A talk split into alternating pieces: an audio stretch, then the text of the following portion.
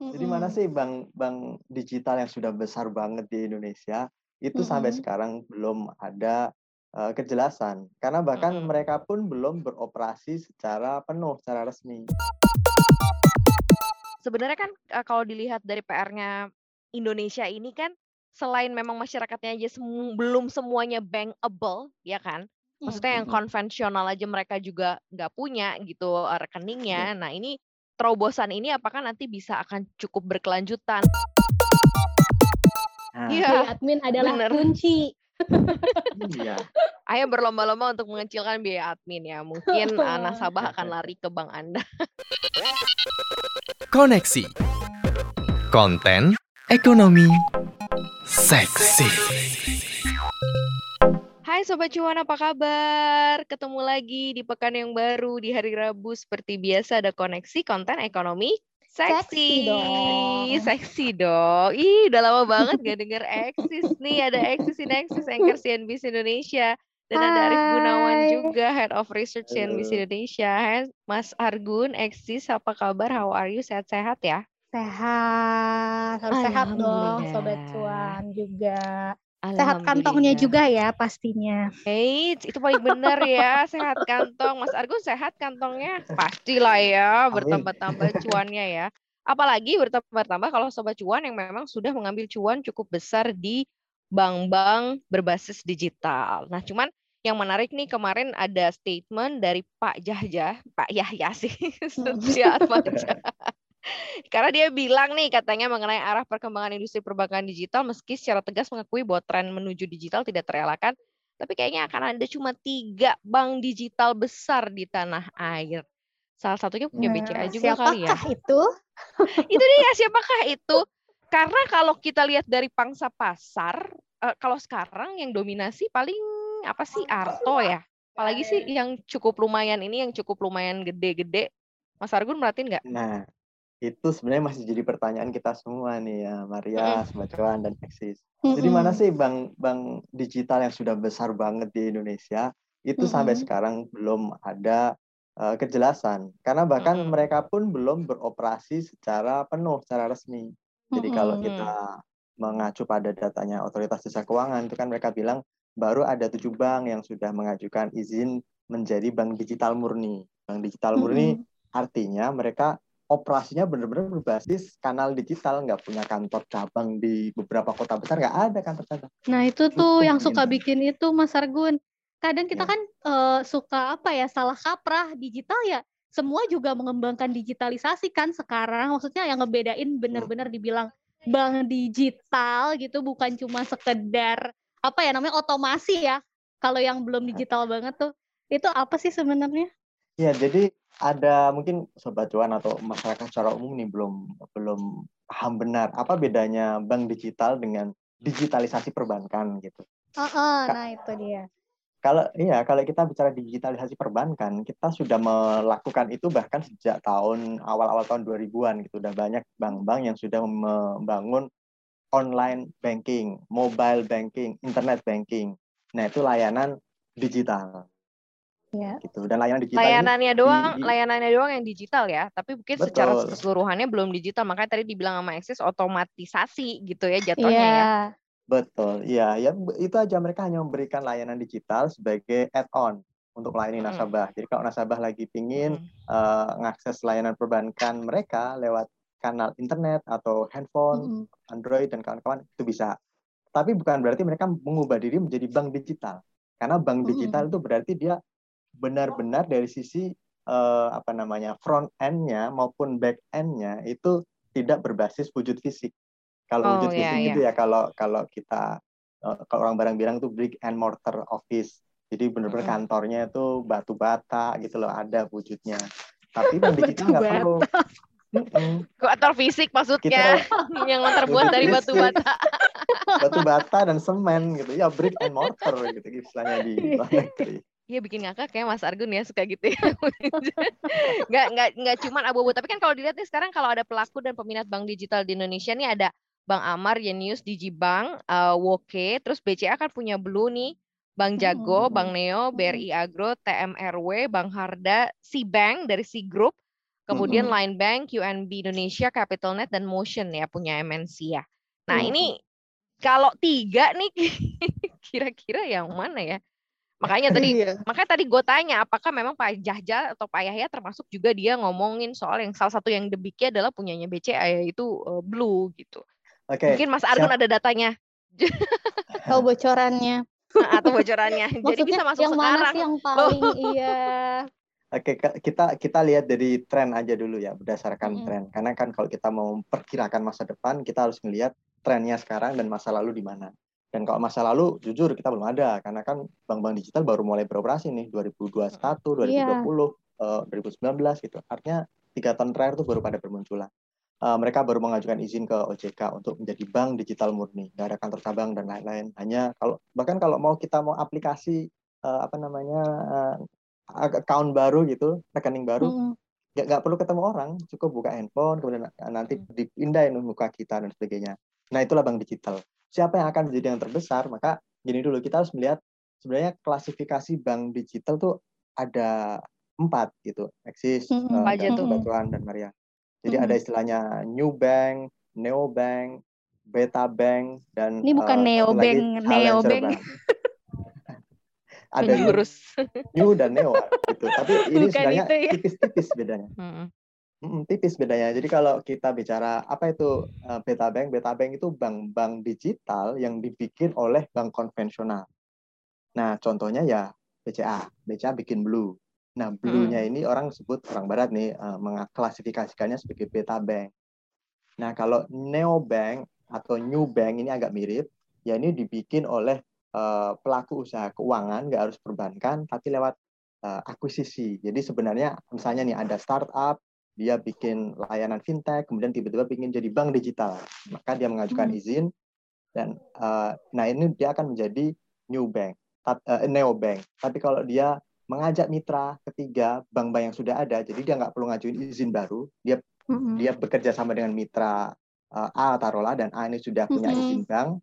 Nah, izin banknya itu yang kemudian dipakai. Nah, ini namanya uh, neobank. Nah, kalau challenger bank ini kita ngomongin startup. Jadi mereka yang sejak awal emang saya nggak ingin Hmm. jadi jadi jadi bank, punya izin bank, nggak nggak perlu. Pokoknya saya memberikan layanan keuangan P2P, uh, payment to payment. Oh iya pinjol ya kayak pinjol gitu berarti ya Mas ya. Ah, Nah, Nah, ini ada Hmm. empat jenis ini nih. Kalau kita meneropong siapa nih kira-kira yang akan menjadi tiga besar atau lima besar, maka kalau kita harus mm-mm. melihat dulu di di luar negeri bagaimana kondisinya gitu perkembangan bank-bank Mm-mm. digital. Nah, sayangnya nih ada kabar yang kurang sedap dan hari ini kita apa kita kupas juga di CNBC Indonesia yang nggak tahu Mhm. kata- kebetulan juga bareng berbarengan berbarengan dengan itu saham-saham bank digital ini berpada Ambruk. bertumbangan gitu hari ini. Gara-gara. CNBC lah, gara-gara CNBC. Ya enggak juga, harusnya enggak. Dikit kontribusinya maksudnya kan jadi ya, ada mungkin ada dikit. ada ada cover bot site-nya gitu loh, ada ada site yang lain dari CNBC. Betul untuk dipertimbangkan karena takutnya ini Maria Sobat Cuan dan Aksis. Jangan-jangan selama ini yang pada beli saham-saham bank-bank kecil ini yang katanya mau jadi bank digital itu baru didorong oleh spekulasi, belum Iya pada memang begitu yang matang. pasti. Udah Mm. pasti. Jangankan itu ikut-ikutan doang, yang penting cuan. Hmm, hmm, promo. Nah ini nih. Gitu. Ya, nah kalau kita lihat tren di negara maju, misalnya kita melihat di Inggris misalnya, eh, ada namanya lembaga Accenture. Accenture itu lembaga kayak konsultan keuangan global, basisnya di London. Mereka bikin digital banking tracker, eh, Mm-mm. rilisnya tahun 2020 tahun lalu, dan itu mereka mengamati atau melakukan survei terhadap para pengguna eh, bank-bank digital di, di Inggris. Dan hasilnya ternyata, wah ini agak mengecewakan nih, ternyata eh, anjlok nih rata-rata dana simpanan masyarakat Mm-mm. dari Oh. 350 pound sterling pada tahun 2018 menjadi 260 pound sterling pada 2019. Dan mereka memperkirakan setelah disurvei mereka menyebutkan ya masyarakat belum sepenuhnya mengimbres teknologi yang ditawarkan oleh bank digital, kemudahan dan lain-lain. Gitu. Dan mereka Oh. yang bisa ditarik itu mungkin kebanyakan adalah milenial. Dan mohon maaf nih sobat-sobat cuan mungkin banyak milenial, kita tahu lah ya Iya. beda sama Mm. baby boomer, uh, om-om atau uh, ayah kita Om Argun. atau di mana mereka sudah mapan biasanya secara finansial gitu. Yang baby boomer ini kan biasanya sudah jadi bos, sudah jadi manajer dan sebagainya.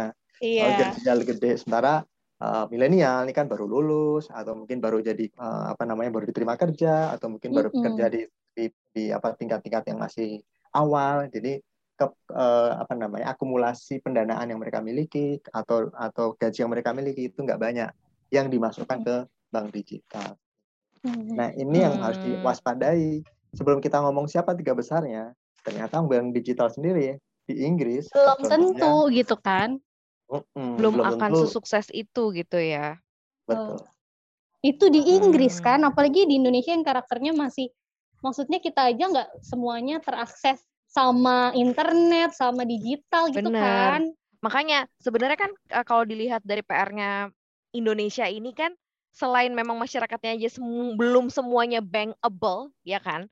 Maksudnya yang Mm-mm. konvensional aja mereka juga nggak punya gitu eh, rekeningnya. Iya. Nah ini terobosan ini apakah nanti bisa akan cukup berkelanjutan atau justru malah jadi solutif, eh, jadi solusi gitu kan? Karena memang kalau dilihat dari akses pinjol pin- pinjaman online itu banyak sih memang mereka-mereka Nah, yang nggak betul. bankable masuk ke situ, Mas. Iya, ya Mm-mm. karena gampang kan, nggak Mm-mm. nggak banyak syarat. Saya menduga justru ini ya eh, bank digital itu bisa menjadi jalan keluar bagi problem tadi eh, inklusi keuangan yang belum luas di Indonesia. Mm-mm. Jadi masih banyak eh, penduduk Indonesia yang belum mendapatkan atau memaksimalkan layanan-layanan perbankan, investasi terutama. Karena apa? Hmm. Sekarang ya kalau mau ke menikmati layanan perbankan mereka harus jalan beberapa kilometer terutama di daerah luar Jawa nih. Biasanya kan akses infrastrukturnya masih kurang bagus, transportasinya masih eh, terbatas gitu. Nah, ketika ada bank digital, semua persoalan itu akan teratasi. Orang nggak perlu lagi jalan berkilo-kilometer atau naik angkot dulu untuk menikmati layanan perbankan. Selama dia punya Android, yang mungkin sekarang harga Android kan sudah pada murah-murah ya, satu juta mungkin sudah ada yang bagus-bagus. Nah, itu eksis. Mungkin ini bisa jadi solusi untuk mengatasi problem di Indonesia soal inklusi keuangan. Dan artinya pasar bank digital sepertinya besar di Indonesia. Apalagi penetrasi internet kita itu kan per 2021 itu mencapai 73,7 persen. Artinya Ya, ya. 200 juta masyarakat Indonesia itu sudah bisa akses internet. Itu. Oke. Jadi potensinya ada kalau di Indonesia. Mungkin bedanya dengan di Inggris, Inggris orang sudah aware dengan layanan keuangan. Mereka Mm-mm. sudah eh, apa namanya eh, financial literasinya udah tinggi. Jadi orang Mm. Nggak lagi kagok ngomong soal ada duit kita apain ya investasi investasi apa oh mereka udah paham overall di Inggris ya apalagi ya kita tahu lah infrastrukturnya udah terbangun dan Iya, betul tapi di betul. Indonesia kondisinya kan sebaliknya potensinya besar orang-orang yang punya dana itu banyak di luar Jawa juga tetapi Uh-uh. biasanya belum diinvestasikan karena ya Mm-mm. kendala itu tadi infrastruktur dan digital bank harusnya bisa menjadi solusi Berarti nanti yang akan memenangkan pasar nih yang karakteristiknya kayak gimana nih, Mas eh, Argun? Kalau misalnya kalau Iya. di ibu kota ya udah kan kita pilihannya banyak ya, Cis ya. Kalau misalnya Iya. yang di daerah-daerah gitu, mereka-mereka yang mungkin nanti akan cukup eh, bisa percaya gitu ya, apalagi bicara mengenai soal infrastruktur, apakah kecepatan internet ataukah apa nih yang nanti akan cukup bisa memenangkan pasar itu tuh, Mas? Atau bisa juga justru aku eh, lihat beberapa bank gitu sekarang ada yang layanannya online to offline gitu. Jadi dia setengah-setengah gitu itu bisa juga nggak sih? Maksudnya jadi On- membawa- online to offline maksudnya mereka tetap ada kantor fisiknya iya, berarti. heeh. Hmm. Atau kayak layanannya digital, cuma kita bisa ngaksesnya tuh sebenarnya ya kayak offline kayak misalnya transfer uang via Alfamart, Indomart. Ah, oh ya kayak ya ya gitu. ya ya ya. Itu kayaknya di daerah-daerah tuh berhasil loh yang kayak gitu. ya memang eh, Indonesia ini eh, unik ya potensinya tadi besar gitu. Eh, kalau kalau kita bicara eh, milenial misalnya, milenial itu baru sekitar 30% dari populasi. Mereka yang mungkin akan jadi pasar terbesar bank digital ya ini 30% dari populasi. Iya, Tapi ingat ada 70% ya kan yang bukan milenial yang mungkin masih membutuhkan kehadiran fisik kalau kita ngomongin layanan gitu. Masih istilahnya kalau kayak lo ibarat makan Kayak Om Argun ya, Om Argun masih pentingin fisik ya Om ya. Ini fisik apa kalau fisik yang lain? Iya, jadi meskipun dapat layanan, udah dapat otorisasi, tapi mereka masih belum yakin gitu harus ketemu sama eh, petugas gitu. Nah itu ada. Nah, makanya Bener. di Indonesia mungkin kita harus wise, tidak bisa sepenuhnya menjadi bank digital Mm-mm. total gitu. Mengejar itu saja atau sebaliknya eh, hanya konvensional saja gitu. Kalau konvensional Iya. saja akan obsolete ketinggalan zaman. Mm-mm. Tapi Hmm. kalau bank Nah, digital saja, maka mereka hanya menggarap 30% populasi Indonesia tadi itu, milenial. Nah, itu dia masalahnya gini, Mas. Yang beberapa yang udah listing di Bursa Efek Indonesia itu kan kalau kita ngomongin digital kan bicaranya Mm-mm. mengenai uh, futures apa ya, masa depan, uh, ekspektasi masa depan gitu. Dan Ya. rata-rata semua yang ditempelin digital tuh udah jadi Uh-uh. serbuan gitu. Kenaikannya juga udah gila-gilaan banget gitu. Dan masih menarik juga sampai sekarang. Gimana kalau memang ternyata track point-nya nasibnya nggak akan sebagus dan seindah harga-harganya sekarang gitu loh Mas Masih patutkah diperjuangkan gitu harapan atau itu ya harapan harapan Uh-uh. Ya, kalau kita bicara mimpi, semuanya sepakat. Ke depan harusnya digital leading gitu. Tapi pada Iya. sebatas mana, kalau kita bicara valuasi harga saham tiap-tiap eh, saham-saham perbankan terkait mengenai digital tadi ya, itu sejauh mana, maka kita harus eh, jelas matrikulasinya, gitu, perhitungannya. Nah, itu yang jelas. Sampai sekarang sayangnya belum ada kejelasan.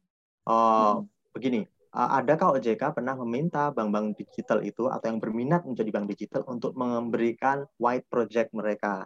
White project itu kayak semacam buku putih menjelaskan bahwa bank digital kami akan memberikan layanan ABCDE menggunakan Mm-mm. infrastruktur BBB Oh, ABCDE. belum belum ada ya Mas ya?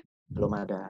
Dan belum terbuka harusnya kali ya pasti lagi pada nyusun kan harusnya sih lagi pada Pasti. nyusun nih mungkin mereka berlomba-lomba lagi bikin infrastruktur yang baik, investasi besar-besaran, hire talent-talent digital untuk bikin uh, uh, infrastruktur layanan perbankan yang ideal.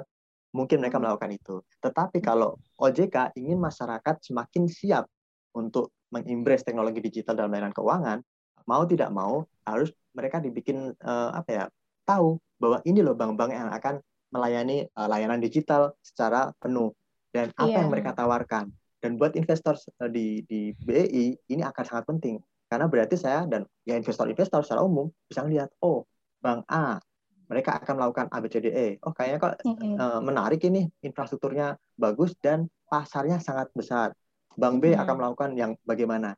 Dan ini akan membuat kita semua jadi apa namanya? eh, digital akan menjadi eh, hot topic gitu di kalangan masyarakat Iya. maupun di pelaku eh, pasar gitu di Indonesia. Ini akan bagus juga untuk membranding industri bank digital sendiri. Harusnya ini yang mulai dijalankan. Kalau kita bicara cryptocurrency misalnya, cryptocurrency kan sekarang semua mata uang kripto mereka punya white project. Jadi meskipun Ya, kita ya, ya. belum tahu masa depan seperti apa, tapi kita tahu apa yang sedang mereka lakukan. Dan itu yang jadi tolak ukur untuk me- menilai layak nggak saya membeli uh, aset ini ke depannya. Sesuai dengan white project ini kita bisa mempertimbangkan gitu. Hmm, oke. Jadi nggak asal comot ya kan kayak Hmm. sekarang yang mana aja lah yang lagi naik. Yang mana aja yang pasti naik, Cis. Karena beberapa kayak gitu pasti deh.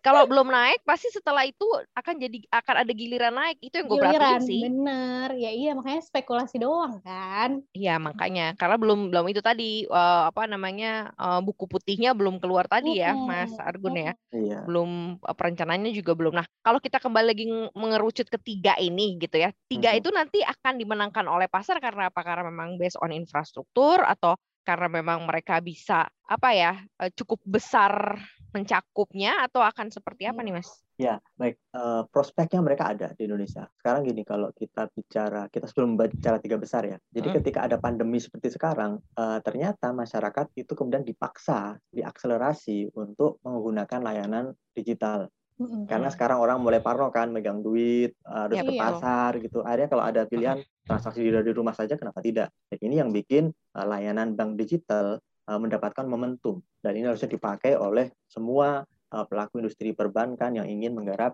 eh, pasar digital. Nah, kalau kita bicara siapa yang akan survive di antara mereka itu, sekarang ini kan ada sekitar eh, 14-an lah ya yang sudah sounding atau sudah mulai bangun atau tujuh yang sudah mengajukan izin ke OJK.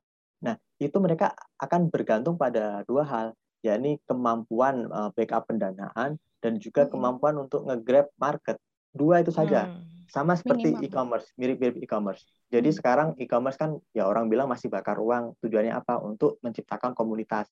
Jadi Kalau bank nggak menarik mungkin dong bakar banyak uang. mungkin pengguna.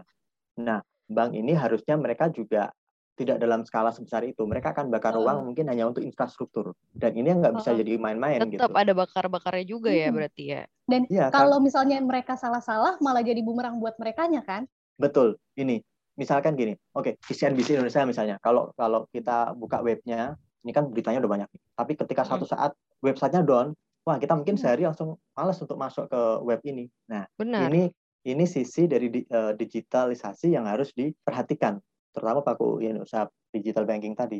Jadi kalau mereka mau bangun layanan keuangan yang sangat vital nih buat masyarakat, ya mereka harus memastikan infrastrukturnya itu bisa eh, diandalkan. Jadi jangan sampai ada glitch, jangan sampai kemudian faktor keamanan, ya kan, ada cyber attack dan sebagainya itu mengganggu perjalanannya ke depan. Itu akan Mhm. backlash-nya akan sangat besar untuk layanan digital ini. Nah, itu yang perlu dimiliki. Untuk membangun infrastruktur sebesar itu, maka perlu pendanaan. Makanya, kemungkinan bank digital yang akan survive itu, ya mereka ada backup pendanaan untuk membangun infrastruktur yang bagus. Dan kedua, Mm-mm. memiliki program yang bagus untuk membuat masyarakat tertarik memakai layanan perbankan mereka. Gitu. Dan kalau kita Oke, bicara dua hal ini, backupnya, maka biasanya memang, mohon maaf, kemungkinan bank-bank konvensional yang saat ini besar, Mm-mm. beta bank tadi itu yang mengakuisisi bank-bank lain kemudian diubah jadi bank digital. Jadi bank digital yang lagi berjalan, lagi bayi ini, oh itu bayinya udah tajir sejak lahir ibaratnya gitu. Rafathar kaya, Rafathar. kayak dari lahir gitu karena memang secara infrastruktur mereka udah tersupport sama induknya lah ya kurang lebih kayak gitu kali ya Mas ya yang akan jauh bisa lebih survive di kom- kalau misalnya di compare sama yang eh, lain-lain. Nah nanti akan menempel juga nggak sih misalnya kayak peraturan-peraturan OJK gitu ya misalnya tentang modal inti kan kar- karena kan sekarang kan sebenarnya lagi mulai dikerucutin nih Mas. Yang kecil-kecil kan suruh pada apa sih namanya berkolaborasi ya ha-ha, gitu. Nah ini nanti akan kayak gimana nih eh, untuk pengenaan aturan juga di bank digital? Eh, digital atau tidak, bank-bank kecil itu pada akhirnya memang harus berkonsolidasi karena eh, kalau kita mengikuti ketentuan Basel, aturan perbankan di dunia internasional dibangun, diperbaiki ketika ada krisis subprime mortgage loan itu tahun 2008, ketika Lehman Brothers anjlok, itu kan Mm-mm. memang ada aturan baru di perbankan internasional. Permodalan harus diperkuat. Makanya bank-bank OJK, Bank Indonesia ini mendorong pelaku usaha perbankan terutama yang buku satu eh buku tiga buku empat ini untuk mulai memperbaiki permodalan mereka dipaksa Mhm. untuk menaikkan modal Mhm. mau jadi digital atau tidak modalnya harus besar karena anda kalau mau jadi bank digital pun bukan berarti modalnya lebih kecil eksis dan modalnya Iya, iya. tetap harus Iya. gede Ya Gitu. iyalah malah lebih gede Jadi, kali. Nah, ah, karena kan memang dia ngomongin soal ya, uang ya uang masyarakat Mhm. jadi kalau ada apa-apa backupnya modalnya harus kuat makanya ya bank buku 3 dan buku 4 ini yang modal-modalnya masih kecil sekali ini nanti akan dipaksa untuk berkonsolidasi. Dan pada Hmm. saat yang bersamaan ada way out, jalan keluar buat mereka yang lebih murah.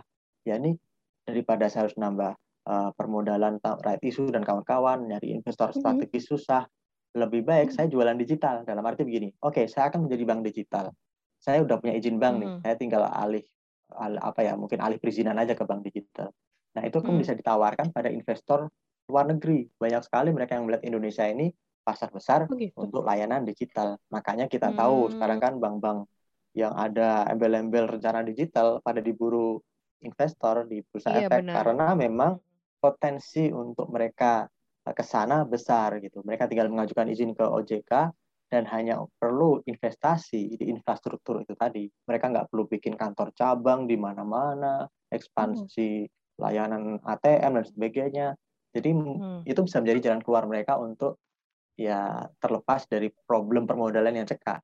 Bukan berarti mereka Hmm. eh, apa namanya bisa menaikkan modal sendiri, tetapi mencari mitra ketiga yang mungkin lebih tertarik untuk menggarap pasar digital dibandingkan pasar perbankan yang konvensional. Oke. Nah, kalau lo pribadi ini misalnya Mas Argun juga Eksis ya. Mhm. Kalau lo pribadi lo sendiri gimana ngelihatnya nih perbankan digital? Apakah mungkin aset-asetnya akan ada di maksudnya di- ya dipilah-pilah gitu yang konvensional tetap ada, digital tetap ada, atau digital buat cari cuan aja eh, di saham?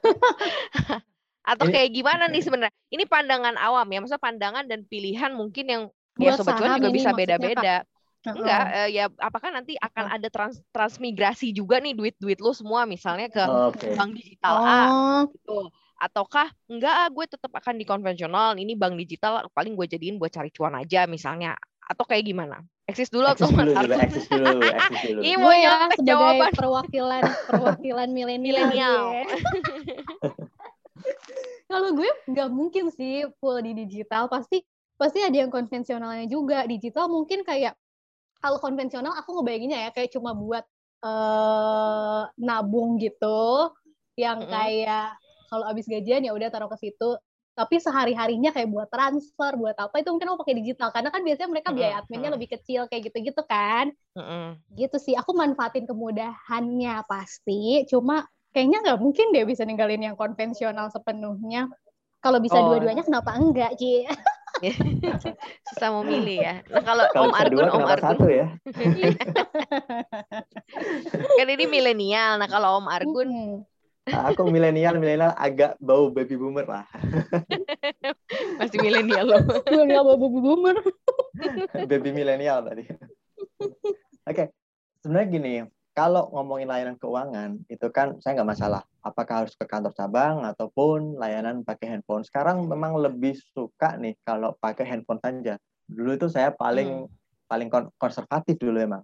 Kalau transfer dan sebagainya biasanya harus ke kantor cabang gitu karena merasa lebih aman.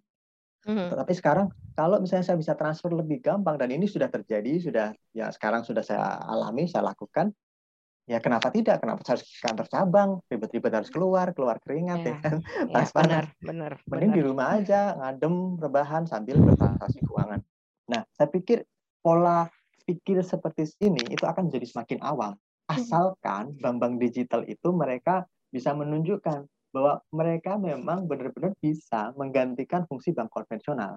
Mm-hmm. Nah, kalau ada bank digital seperti itu, di mana saya bisa ngecek saldo secara mudah, di mana saya bisa melakukan transaksi transfer dengan gampang, dan bahkan bisa uh, memiliki layanan wealth management buat saya, seperti yang bisa saya dapatkan di bank-bank konvensional. Dari bank, bank digitalnya kalau udah ada, yang mending saya ke bank digital gitu. Mm. Nah, tantangannya kan di situ. Di, di Accenture dia bilang, masyarakat masih belum yakin apakah bank digital bisa menggantikan sepenuhnya bank yeah. konvensional gitu dengan layanannya yang sudah paripurna yang sudah banyak banget gitu. Hmm. Kalau ada Tapi digital itu tantangan yang awal doang kan, Mas. Hmm. Kalau misalnya dia udah bisa naklukin hatinya, udah bisa ngeyakinin ke depannya udah enak lagi. Kayak mau pasangan ya. Pada akhirnya memang user experience gitu. Ya. Jadi dulu kalau tahun 90-an nih kalau kita mengambil uang harus ke teller ngantri. Kemudian ada layanan ATM. Orang apakah masih ngantri? Jarang. Kalau bisa lewat ATM, ATM saja, ya kan? Nah, dengan sama juga ketika online banking sudah merebak, orang akan bilang lagi, ngapain harus ke ATM kalau bisa online banking? Nah, sekarang ya sama akan ada tingkatan lebih tinggi. Ngapain harus mengambil itu semua dari bank dengan uh, charge terutama ya biaya administrasi iya. yang besar kalau saya bisa mendapatkan layanan serupa di bank digital dengan biaya administrasi yang lebih kecil. Ya. Paling itu sih biaya admin tuh. Nah. Ya, biaya admin adalah bener. kunci. iya. Ayo berlomba-lomba untuk mengecilkan biaya admin ya. Mungkin nasabah akan lari ke bank Anda. jadi ya, kurang lebih sekarang malah jadi milih yang bukan bank yang kayak apa sih? Ya fintech fintech gitu kan yang bisa ngasih layanan yang kayak gitu. Betul. Mm, karena memang ya limit saldo ya. Karena banyak juga kasus-kasus yang ya nggak bisa transfer karena memang limit saldonya nggak ada kalau ditambah sama biaya admin. Jadi biaya admin adalah iya. kunci benar juga sih. Jadi sobat cuan ya gimana gitu ya ini dibebasin aja gitu karena masih on progress bank digitalnya plus juga ya sambil dilihat lah ya seperti apa nanti uh, mungkin gambaran lebih lanjutnya yang disiapkan oleh bank-bank digital ini. Kalau sekarang sih nikmatin aja dulu cuannya kan karena lumayan kan di bursa hmm. kan. Naik. Udah mulai bisa sih kalau aku dari tadi penjelasannya Mas Argun udah kebayang sih. Oh, yang mana nih yang minimal kan kita ngelihat layanan yang ada sekarang dulu kan karena kan kita mm -mm. belum tahu nih ke depan mereka bakal ngembangin apa ya udah dilihat aja tuh yang layanan yang kira-kira paling banyak dipakai tiap hari sama kita atau sama teman-teman kita Terus kalau yang sekarang aja udah bagus ya apalagi ke depannya gitu kan. Benar. Terus ya yang tadi yang uh, backupnya siapa sih? Yang mulai dicari-cari aja pantengin berita CNBC ya kan?